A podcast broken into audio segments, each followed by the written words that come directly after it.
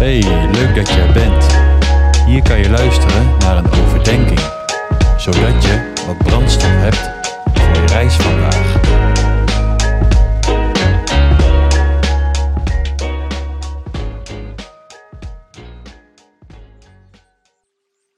Hey, welkom bij Brandstof, aflevering 25. Goed dat je luistert. Vandaag ga ik lezen over heerlijk om te geven. God vindt het namelijk heerlijk om te geven. God geeft aan iedereen zonder voorbehoud en verwijt. Hij overspoelt ons met liefde. Hij is rijk aan goedheid, geduld en verdraagzaamheid. Zijn genade is zeer overvloedig en onbeschrijfelijk.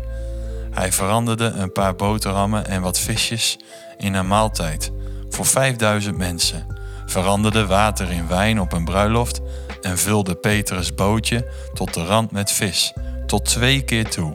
Hij genas iedereen die hem daarom vroeg, onderwees iedereen die naar hem wilde luisteren, en iedereen die zijn verlossing wilde aannemen, werden door hem gered.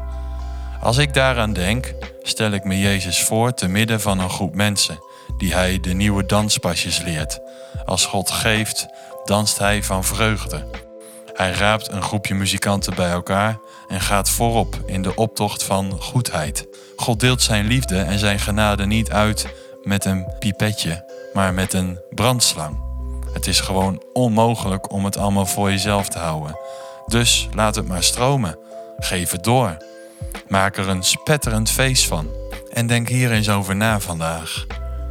Geef vandaag eens een onverwacht cadeautje aan iemand die je kent. Misschien dat kettinkje dat je zus zo mooi vindt, of een opgeruimde kamer, zonder dat je moeder erom hoeft te vragen.